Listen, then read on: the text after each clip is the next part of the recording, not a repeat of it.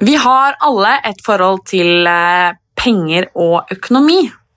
Og denne måneden er tema nettopp det.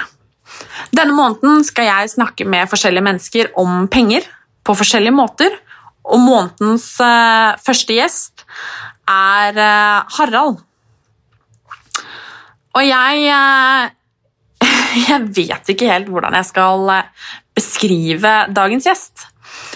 For å være helt ærlig så syns jeg det er ganske vanskelig. Og det blir enda vanskeligere når han kommer smilende mot meg fra første stund, glad som bare det, og enda hyggeligere enn det igjen. Det rimer liksom ikke helt med hva jeg kanskje hadde forestilt meg.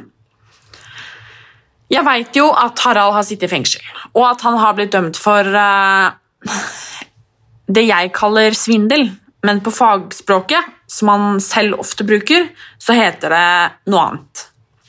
Vinningsbedrageri, blant annet. Jeg veit ikke hvordan jeg liksom hadde forestilt meg en svindler, men det er vel kanskje det som egentlig er litt meningen? Man skal jo egentlig ikke skjønne at de svindler, at de er i stand til å lure noen trill rundt og rappe f.eks. hele trygda deres.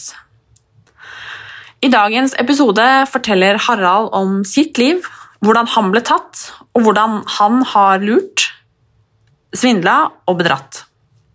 Hvordan han har utfordra systemet, og kanskje ja, lurt det litt eh, også. Harald trivdes faktisk i fengsel, og han lovte seg selv at han skulle slutte da han kom ut. Da han slapp ut etter ett år og ni måneder av den tre år lange dommen, ble han møtt med ingenting. Livet utenfor fengsel var ikke i nærheten av livet i fengsel, selv om han ikke fikk besøk en eneste gang.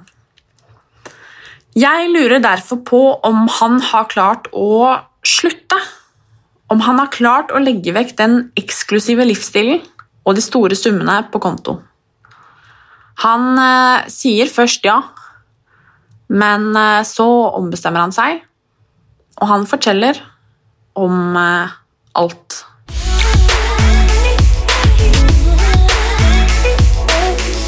Hvem, eh, hvem er du? Jeg heter Harald Tankred Paulsudby, eh, 29 år, oppvokst i Bærum. Eh, tidligere domfelt for vinningskriminalitet og videoblogger på Snapchat. Og singel, ikke minst. Men eh, det du er dømt for, er det det vi på liksom ikke-fagspråket kaller svindel? Svindel eh, eller bedrageri på jusspråket, det vil vel egentlig si at du har eh, tatt en eh, pengesum av en annen person eller eventuelt bank eh, og brukt det til egen vinning. Ja. Og da synes sikkert sikkert det er spennende, hva, hva er dette for noe? Hva definerer du som svindel? Eh, hva er du dømt for? Litt sånne ting.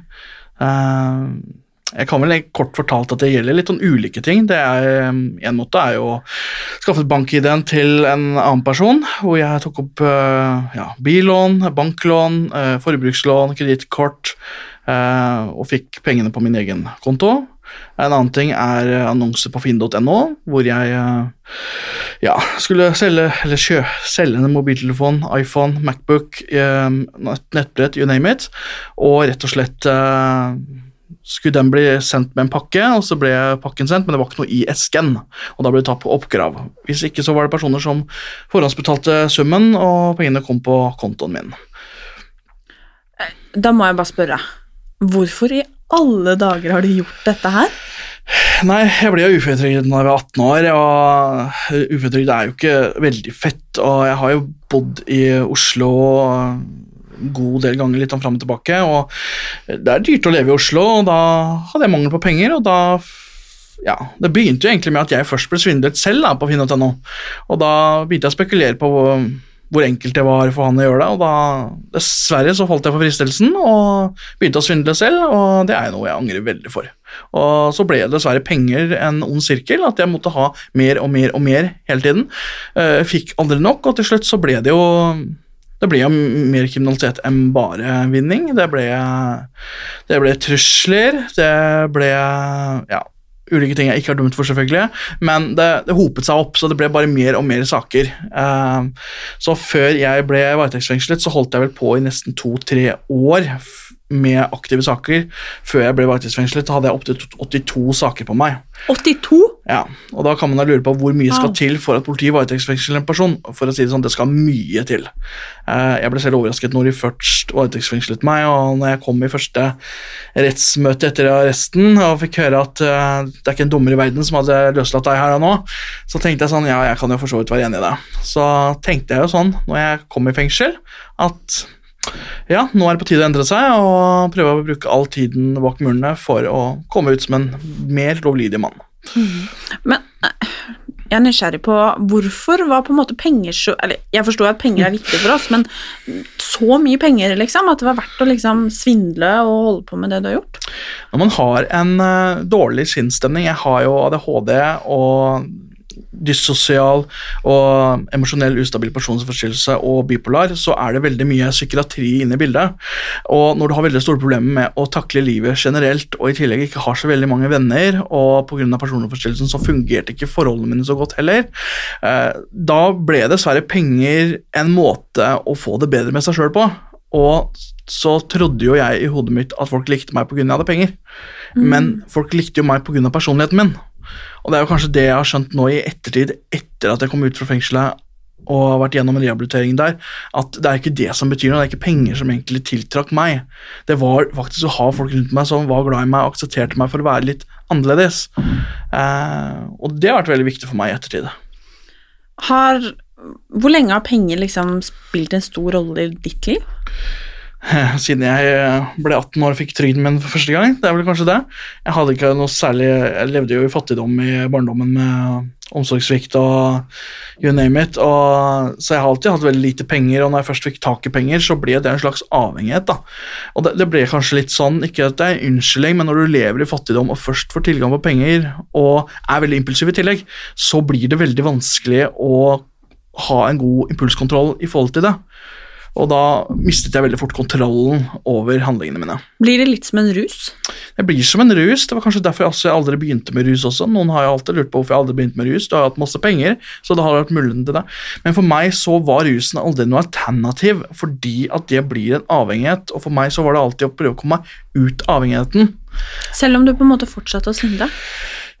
Jo, men jeg tenkte sånn at livet ville bli enda mer skattskjørt av å begynne å ruse meg, og så vil jeg kanskje eh, Kanskje skade andre, ikke sant? havne i en rustilstand. Eh, så det handler vel kanskje om å ha en litt kontroll på situasjonen, selv om jeg egentlig ikke hadde kontroll i det hele tatt. Mm. Men jeg tenker litt sånn at når du svindler, og du liksom har levd det livet du har gjort, mm.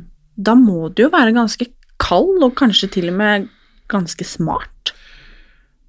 Ja, det har ganske høy IQ, da, selv om eh, mange på sosiale medier ikke er helt enig i det. Men det ligger kanskje litt i personlighetsforstyrrelsen, for de som kjenner meg godt, vet at jeg er verdens snilleste og mest omsorgsfulle person. Men når personlighetsforstyrrelsen snur seg, så blir jeg ganske kald og kynisk og egenselvs... Ja, at jeg har veldig dårlig selvinnsikt. da. Mm. Eh, så du kan være enig i det at uh, i de tidspunktene hvor penger betydde mest, så hadde jeg det dårligst psykisk, og da var det bare meg, meg, meg, og det er ikke noe jeg er stolt av. Er det lov å spørre hvor mye penger dette var snakk om? I måneden så var det opptil 100 000 i måneden. Wow. Hadde du noen gang dårlig samvittighet for det? Ja, det hadde jeg. Mange ganger. Jeg satt og tenkte på det når jeg gikk inn på konto på Mariana. og det lå liksom 75 000 her. Nå har jeg liksom brukt 2000-3000 kanskje per dag. Og jeg tenkte liksom på ofrene, da, for det gnaga meg veldig mye. Men så ble det på en måte en at du, du lot være å tenke på det fordi anmeldelsene kom, jeg var i noen avhør inn og ut av arresten innimellom, og sakene ble henlagt, ble henlagt, ble henlagt, og tiltalen, eller siktelsen før det ble tiltale, siktelsen bare økte og økte og økte, og jeg fikk jo aldri noe advarsel fra politi eller forsvarer at hvis du ikke slutter nå, så åker du inn. Så det, når jeg først ble varetektsfengslet, så kom det som en lyn fra klar himmel. Det var ikke en aksept for det jeg gjorde, men at jeg følte at dette kunne jeg holde på med uforstyrret. fordi fordi det er ingen som reagerer på det.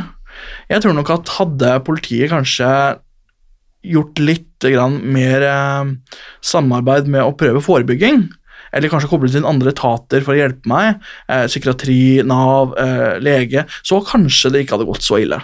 Men tror du ikke at du fortsatt hadde hatt det behovet for penger, da? Jeg fikk jeg fikk et annet syn på livet når jeg sonet i fengsel. Et syn på at jeg kan faktisk ikke holde på sånn.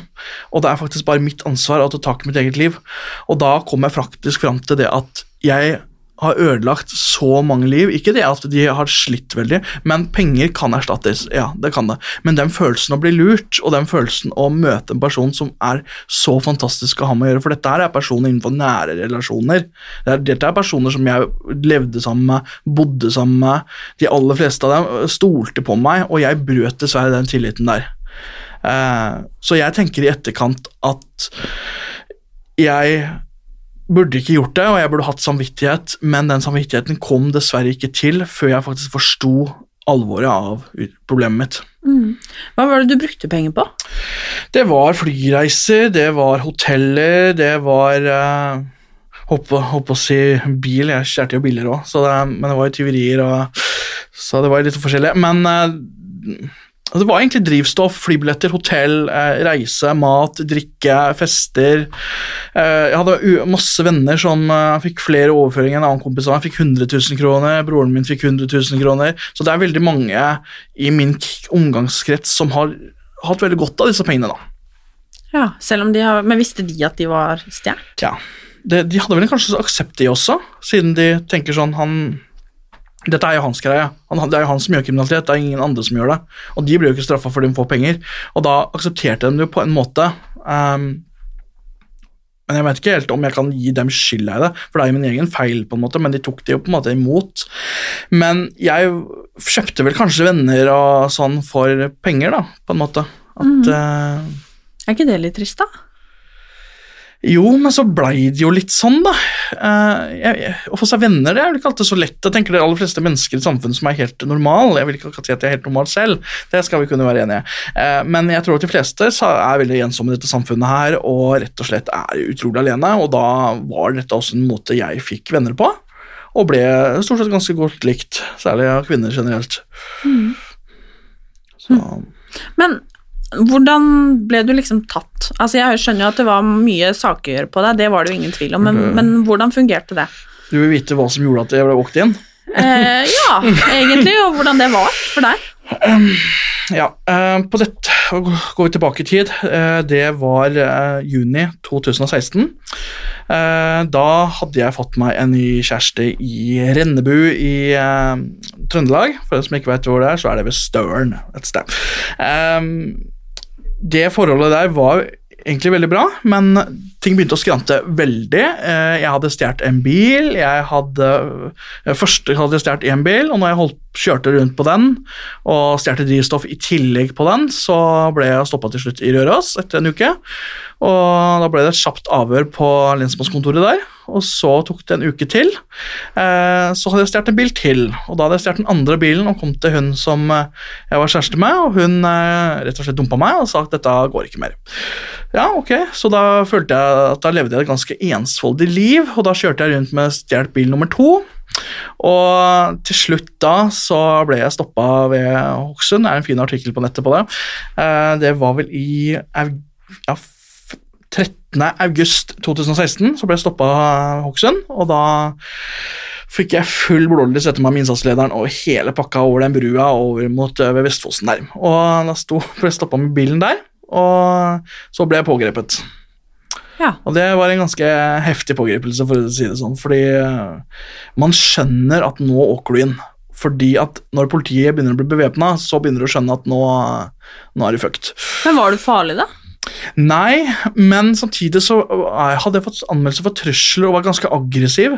Men de la jo fort ned ganske mye våpner og sånne ting når de skjønte hvor rolig jeg var, og det skremte dem veldig mye av så mange saker, og det fikk jeg også høre i varetektsfengslingsmøtet, at jeg var veldig rolig, og det bekymra dem veldig mye hvor rolig jeg var, og hvordan det er mulig å ha så mye saker, og så alvorlige saker.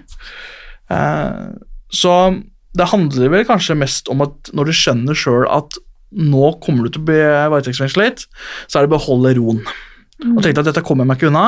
Nå er det bare å ta ansvar og prøve å gjøre det beste ut av situasjonen. Men det var en veldig surrealistisk opplevelse egentlig at nå skal jeg bak murene. Mange tenker liksom sånn at når du kommer bak murene, så det er der det hører hjemme. Det er veldig mye fordommer rundt det.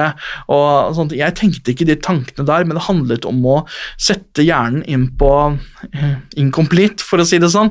At nå kommer jeg til å havne bak murene, jeg mister kontakt med hele omverdenen. Og jeg må bare fokusere på det livet bak murene. Var du redd? Jeg var mer fortvila. Jeg var ikke redd, for jeg har alltid vært veldig eh, sterk psykisk på den måten at jeg takler veldig mye og har veldig lett for miljøforandringer og sånne ting. Jeg må vel si at i fengselsoppholdet så hadde jeg det egentlig ganske bra.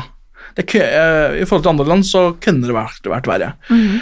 Uh, en fengselshverdag for meg den var at uh, når jeg først kom i fengsel, da, så var jeg en uke på en sånn avdeling hvor man skulle vurdere om personene skal videre. Og Etter en uke så handlet jeg på en boenhet, og da fikk jeg en tom kontaktbetjent. og Da sonet jeg med syv andre innsatte. Vi hadde verv å selge. Hadde vi fellesskap med TV, oppholdsrom, ja, biljard, alt mulig. Og da var jeg ja, ganske fri på den avdelingen. Fra klokka sju om morgenen til klokka tre så var det arbeid. Og da gikk jeg på arbeid, jeg gikk på kurs. Ja. Men det var stort sett arbeid på kjøkken, eh, vaskeri, eh, vaktmestertjeneste, utegruppe. Eh, fikk veldig mye tillit, for de merket at jeg tok veldig ansvar for den situasjonen jeg er i, og prøver å gjøre noe med gjøre noe med tankesettet og livet mitt. Og etter klokka tre så ja, var det middag og sånne ting, og da hadde vi fellesskap med alle de andre til klokka ni. Så det var et, nesten hele døgnet var jeg ute av cella.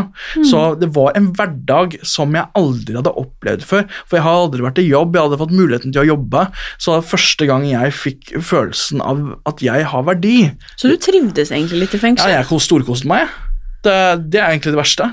Men jeg tror ikke alle ville gjort det, for vi må huske at mange av de som sitter i fengsel, er jo familiefedre, og de eh, sliter jo veldig med akkurat den uh, biten der. Men jeg følte at jeg hadde jo heller ingen som besøkte meg heller, og da var jeg ganske forever alone allerede. Og da tror jeg kanskje det er litt lettere å akseptere å leve i det, for jeg levde på en måte i min egen lille boble. da. Jeg tror ikke alle ville kanskje hatt like enkelt for å klare å skifte sånn. Mm. Nei, det tror jeg kanskje ikke. Mm. det tror jeg ikke jeg hadde klart, i hvert fall. Nei. Men uh, hvor lenge satt du inne? Uh, jeg ble dømt til tre års fengsel og satt i ett år og ni måneder siden jeg ble prøveløslatt. Så det var en, jeg føler at det var ganske kort dom. Jeg satt 14 måneder i varetekt før dommen kom. Og når dommen kom, så tok det én måned, så ble jeg overført på noe som ligner Bastøy fengsel. Det heter Osterøy fengsel, det er lagt ned nå. Uh, men da jeg ble ganske overraska en, en, måned etter at dommen kom, så ble jeg havna på lavsikkerhet og levde på en idyllisk øy. Eh, hvis man søker på Osterøy fengsel, så eh, eller Ulvsnesøy fengsel, så finner man en artikkel på Aftenposten der som har promotert hvordan øya er. Ja. Litt reklame til Aftenposten. ja, men det går fint. Ja, ja. Men stemmer det at du bytta navn? Jeg endret eh, juridisk kjønn fra mann til kvinne, og det er to årsaker til det. Eh, jeg ville teste og se om det var mulig å skaffe seg et nytt fødselsnummer. Fordi det er sånn at politiet, når de eh, får en anmeldelse for bedrageri, så forteller de alltid at du kan, du får, kan ikke få nytt fødselsnummer. Det er bare løgn.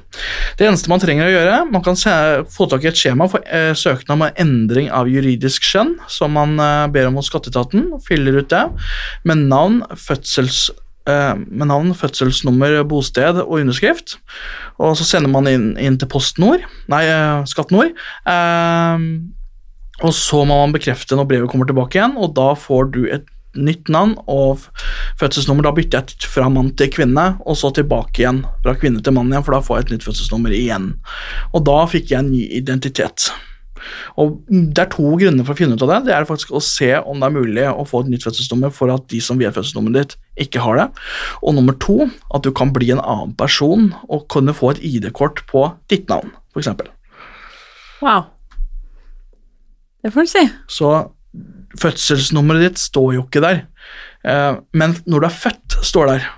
Og for at jeg eventuelt skulle svindlet deg eller noen andre da, så har jeg et ID-kort med bilde av meg og ditt eh, når du er født, og ditt navn. Og da er jeg deg. For Det er det de på posten da tror, hvis jeg skal ta ut mobiltelefoner og sånne ting på navnet ditt. Dette var innvikla. Hvordan har du funnet ut av alt dette, da? Det, jeg har egentlig vært en veldig nysgjerrig person hele livet mitt. At jeg alltid prøvd å finne ut uh, hvordan man uh, ja, Noen har jo vurdert hvordan man skal rømme fra et fengsel, ikke sant? og jeg sitter og vurderer hvordan man kan skaffe mest mulig penger. Og det, det handler litt om at man prøver litt og ja, Forestill deg at du kjøper en PC, da, da skal du finne ut hva du kan bruke denne PC-en til. Og da, Sånn har jeg også vært litt og spekulert litt. Det må jo finnes et smutthull et eller annet sted. Og det, Jeg fant alle de smutthullene, og det er mange som syns det er litt sånn veldig interessant. Hvordan er det mulig for en person å finne alle disse smutthullene, og, og faktisk med fullt overlegg faktisk gjør det, og ikke stopper. Og der er jo faktisk det farlige er at det er jo jeg får en utrolig stor spenning av det. Så det er det som tiltrakk meg veldig mye. Den, den følelsen når du får pengene på konto, eller den følelsen når du faktisk klarer noe. Ikke sant? Mange som, er, som mener at de er hardkriminelle, da. gjenger og sånn, sitter og bare ler av meg. Men jeg, jeg, jeg, sier jo litt sånn Ja, ok, dere ler av meg, dere velger kanskje litt mer uh, hardere kriminalitet, men jeg tenker at det er mer empati i det jeg gjør, enn det de andre, for de skader andre mennesker. Jeg tar jo bare penger fra dem. Jeg, Men er ikke det å skade folk, det òg, da? Hvis Jo. det er de penga de har? men det blir på en annen måte, fordi at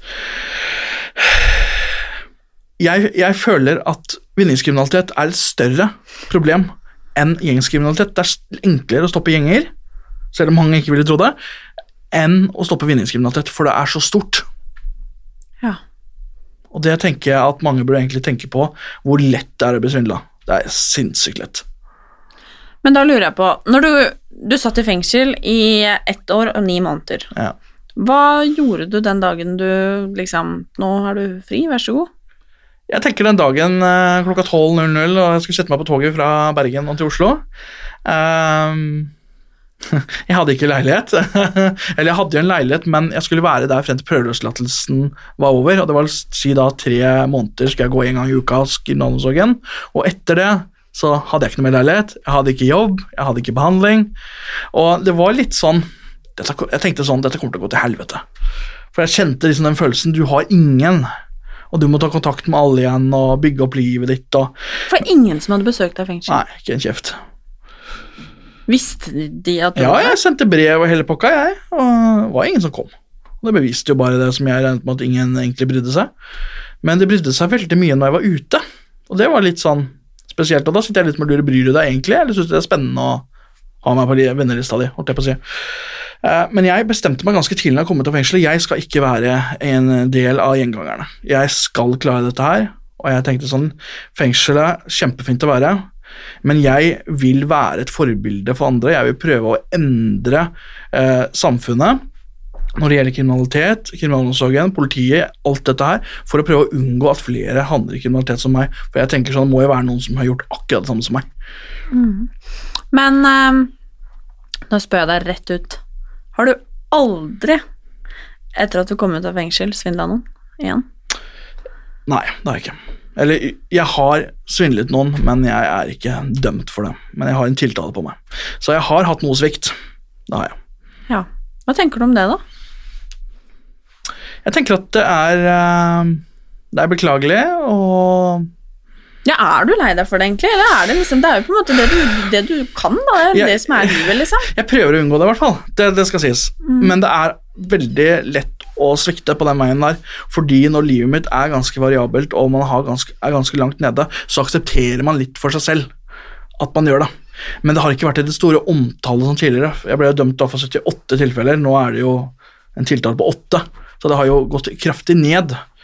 Eh, tiltalen ligger jo klar hos stats, statsadvokaten, men den blir liggende litt pga. korona, og så har politiet gitt litt sånn signal på at øh, det er veldig få saker, og sannsynligheten for at de vil dømme meg til fengselsstraff for det, er veldig liten. Selv om du har sittet inne før? Ja, fordi man skal jo se etter eh, hvor eh, mye forhold det egentlig er, og hvor mye summer det er. I saken her så er det kanskje 40 000 bare. Ja, bare og bare.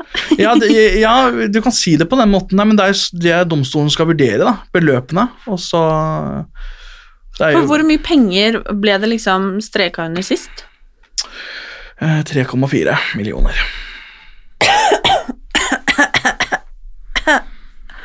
Wow. Ja. Jeg har kjøpt mange biler, da. Det skal sies. Jeg har hatt tolv biler i løpet av de tre årene. Hvordan biler da? Ja, mest Audi, det gikk i. Opel, det er, det er jo gjenganger. Og mange av dem krasja jeg òg. Jeg har jo ikke førerkort, så jeg kjørte jo til og med uten førerkort også. Men Så brøt jeg veitrafikkloven et par ganger. Men ærlig talt Hvorfor det? Det var vel Teorien var vanskelig for meg, og jeg eh, ja, Jeg har aldri kjørt på noen, men jeg har uh, kjørt ut av veien når det har vært glatt på veien og ikke ja, Hadde noe vinterdekk, litt sånne ting. Men uh, Ja. 3,4 millioner. Det er mye penger. Ja, men du kan se litt rundt på det. da Hvis du deler ut nesten alt du har, 100 000 per måned, da, Mm. da er det ikke så mye lenger. Nei, men jeg tenker jo det at det er veldig mange mennesker det er snakk om. Det er ganske altså, Se for deg, da. En, en ekskjæreste av meg som jeg bodde med, klarte jeg å få ut 1,5. Det vil si at ofrene er ikke så mange. Nei, men det er jævla kjipt for det offeret, da. Oh. Det er kjæresten sin, det. Ja, jeg vil ikke si at det er greit, men når de var utro og vendte ryggen mot meg, så valgte jeg å på en måte ta hevn på min måte. Det er jo ikke noe jeg er stolt av, men det er dessverre det jeg gjorde. Mm. Angrer du? Ja, det gjør jeg. Jeg tenkte jo at jeg hadde aldri behov for de pengene, egentlig.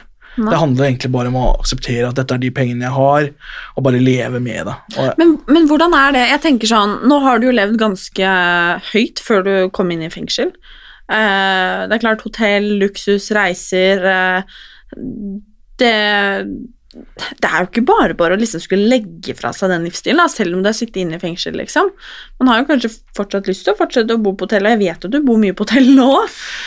mange sitter sikkert og lurer på de, de har sett meg på Snapchat. Hvordan er det egentlig på økonomien din? Hvor mye penger har du Ja, det lurer jeg egentlig jeg på. Eh, Det er litt svikt ennå, det er det. Men jeg blir jo ikke dømt for det, da. Fordi at jeg har lært meg metoder hvordan unngå politiet. Men da må du nesten svare ja på spørsmålet. Ja, jeg driver med kriminalitet ennå. Ja. Men det er ikke jeg som blir straffa for det. Hvem blir straffet for det? Det er personer som uh, gjør bedrageriene for meg. Det vil si at pengene stort sett kommer på dems kontoer, og så kommer det til meg. Det vil si via en tredjeperson, fordi da kan det jo ikke kobles til meg, for det er den som først mottar pengene, som får straffen. Og det er rett og rimelig. Det er ikke rett og rimelig, men egoismen har noen gang blitt så stor, og pengebruken har blitt så stor. Jeg skjønner. Er du, er, men hvordan liksom Jeg må bare spørre, for dette Ja. kan jeg ingenting om. Dette er null erfaring med, og jeg sitter jo egentlig med ganske st store øyne her, og jeg vet ikke om jeg skal le eller gråte. Det er mange som har sagt det. um, det, er sikkert, det finnes sikkert mange der ute som eh, ville fillerista deg, liksom. Ja, jeg møtte jo en i Bergen her om dagen som skulle, sa det var 13 stykker som stod og venta på meg hvis ikke jeg gikk ut i minibanken og ga henne 10 000 kroner. Det var i forrige helg i Bergen, så det er jo folk som følger med meg på Snapchat og planlegger å ta meg, liksom. Så det Men, men gjør ikke det deg redd, da? For det er klart at det, hadde noen svindla meg, så hadde jeg jo vært fly forbanna. Se for deg det, da, at en person som svindler deg, er mye smartere enn deg. Han er ekstremt flink til å ikke legge til seg spor hvor han oppholder seg. og det at hun dama klarte i det hele tatt å møte meg, det er jo godt gjort. Og jeg tar jo mine forhåndsregler når jeg møter folk og ser litt an situasjonen. Hun satt helt aleine, det var ingen andre rundt. Hvilken dame da? Dette er, Jeg kan ikke utlevere navn, men dette er en dame i Bergen som jeg tydeligvis har svindlet en gang tidligere, og visste at jeg var i Bergen. Da skulle hun ha tilbake 10 000 kroner for det jeg hadde svindla henne. Det var egentlig 7,5, da, men hun forventet uh, renter og omkostninger. Ja, fikk hun det? Nei. Jeg tenkte sånn der og da at hun er en kvinne på 1,70, og jeg er 1,80, og hun er tynn, og jeg er ganske stor. Og jeg var ikke akkurat så veldig redd for henne. Så jeg gikk fra henne og gikk inn på hotellet og dreit i det. rett og slett. Hun spurte om å ringe politiet og sånn. da. Så er jeg bare sånn, ja det er bare å ringe det. Så blir jo heller du bortvist og anmeldt for trakassering av meg. For du, sånn som du holder på, kan faktisk ikke du holde på. Saken er henlagt. Saken er ferdig, egentlig. Ja, men den er ikke ferdig mellom meg og deg. Jo, det er den. Fordi saken er lagt ned. Da får du ta søksmål. Det er ganske brutalt. Du får på en eller annen måte en Jeg er ganske snill og god mot de og rundt meg, men på, på en måte så endrer jeg meg på en veldig kynisk måte når du blir behandla dårlig, sånn som jeg har blitt behandla så mange, og blitt trakassert, mobbet, utskjelt, hetset, så blir du litt sånn sjøl.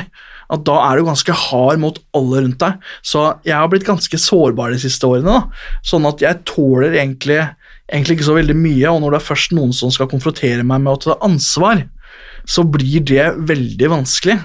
Og det å skulle kunne leve med seg selv er generelt mye vanskelig, fordi jeg sitter med veldig mye anger og frustrasjon. at Jeg vil ikke leve sånn, men jeg vet ikke hvilke alternativer jeg har. Så det er mye der det ligger, og da blir det mer aksept for å fortsette. Jeg tenker at Hvis politiet eller kriminalomsorgen hadde øh, sagt nå skal du ut, der er jobben, her skal du møte til behandling, så hadde man i hvert fall hatt noe. Men det er liksom ingenting. Ikke sant? Situasjonen nå, Jeg er bostedsløs, jeg går på trygd, har ingen jobb. Og da sitter jeg liksom og tenker, hvordan forventer folk at jeg skal endre meg da, når det er null oppfølging noe sted? Men du sa jo i stad at du hadde liksom tenkt på dette med at du må ta ansvar sjæl. Ja, men det er ikke alltid så lett å ta dette ansvaret når du står helt alene. Ja. Men står du helt aleine? Fordi du snakker om disse vennene og, og De er jo stort sett venner på nett, de er jo ikke venner som på en måte ville åpna døra si i dag. Nei. Så det blir på en måte at man le jeg lever på en måte helt annerledes enn alle andre personer. da. Men har du prøvd, da? Søke deg jobb, f.eks.? Jeg skjønner at det er vanskelig med den, med den fortiden. men- Ja, Googler man navnet mitt, så står jeg som svindler, så det er ikke mange arbeidsgivere som ville tatt det. Og spørsmålet er om jeg ville taklet en fulltidsjobb òg, med tanke på de psykiske problemstillingene. At uh, jeg takler veldig lite avvisninger og eh, dårlig, dårlig stress. Men hva kunne du tenke deg, da?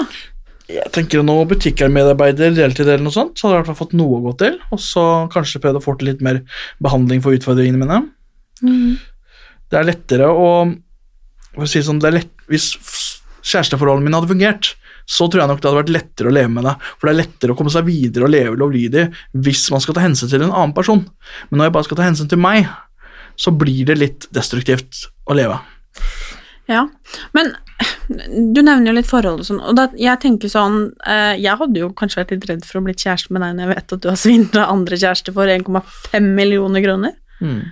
Ja, det forstår jeg. Um, og det er sikkert mange som også har sagt det til, de har sagt det til meg, de har tenkt det. Familiemedlemmer har bare sagt stopp, han er ikke god, han er farlig, du vet ikke hva han kan drive med. Men det er liksom som jeg har sagt til dem, at du har jo en mulighet her nå. Du kan prøve å stole på meg, eller du kan vende meg ryggen. Og jeg forstår at du er skeptisk, men så må vi også se hen til hvorfor ble det sånn det ble.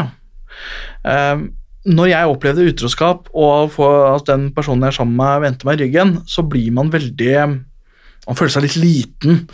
Og da vil jo jeg si til hun at ja, men du har jo ikke gjort meg noe. Og da ville jo ikke jeg skade deg, og jeg svindler jo ikke min egen privatøkonomi. Sånn at hvis vi skulle levd sammen, så svindler jeg jo ikke meg selv. Men da kan hun si ja, men hvis det, blir, hvis det blir slutt, hva skjer da? Svindler du meg da? Jeg vil helst unngå det, i hvert fall. Men eh, Men skjønner du at det er vanskelig å stole på deg? ja, jeg forstår sinnssykt godt at det er vanskelig å stole på meg. Jeg har altså stoleproblemer med å stole på meg sjøl, sånn sett. Um, men jeg har jo gått helt bort fra å svindle de jeg er sammen med, da. Det er liksom mer øvrige personer jeg gjør det med. Kan jeg spørre Altså, jeg, jeg syns jo for så vidt du er tøff som tør å si at du faktisk holder på å være så ærlig som det du er, men kan jeg spørre hvordan du gjør dette her? Uten å skulle være til inspirasjon for noen andre? Det jeg driver med nå, det er at det fylles ut et Det er ikke jeg som gjør det, da, det er noen andre som gjør det. Det fylles ut et Nav-skjema på endring av kontonummer. Det vil si personer som er uføretrygdet. Der fyller jeg ut navn eh, og fødselsnummer til de personene og kontonummeret til dem som skal motta pengene. Det vil si at jeg har ulike personer som har eh, bank-ID med kort og sånne ting, som mottar denne trygden. Når denne trygden er mottatt på sin konto, så kommer den over til meg. Og Det er de som får anmeldelsene på seg. Og alle anmeldelsene hittil nå har faktisk endt med henleggelse, og begrunnelsen for det er at det er veldig vanskelig å bevise sammenhengen her. Men du forteller jo om det nå. Det er allerede anmeldt, og, men problemet er jo rett og slett at det hjelper jo ikke om jeg forteller det nå, fordi at politiet må jo vurdere bevisene. Nå forteller jeg om hvordan metoden er, men så skal det bevises på hvilken måte jeg eh, har, gjort dette her, eller om de personene de tjener jo penger på det. De får ta en slump, de tar jo en liten andel selv òg. Så du har rett og slett samarbeidspartnere som du svindler sammen med? Ja. Men er ikke de venner, da? Ikke på samme måten. De tjener penger på det, og jeg mottar litt penger av det. Det vil si at en trygd er kanskje på 20 000, så får jeg 15, så får de 5. Så da tjener de økonomisk på det. Men nummer én Teoretisk sett så svindler du systemet. Ja. Du svindler Nav. I teorien, ja. Og mine skattepenger. Ja. Ja. Altså, jeg veit ikke helt det, dere, hva man, uh, hva man skal si etter å ha hørt på det vi nettopp har hørt på. Um, dette var i hvert fall del én av Harald sin historie. Og neste uke er det tilbake med den siste uh, delen, del to, av uh, dette livet og disse tankene og hvordan i alle dager dette funker. Um, og det er sikkert ikke bare jeg som er veldig spent på det. Og det er sikkert ikke bare jeg som sitter her med litt bakoversveis og eh, store øyne. Um, og ja. Jeg tror vi sier det sånn, jeg. Ja. Og så snakkes vi neste torsdag.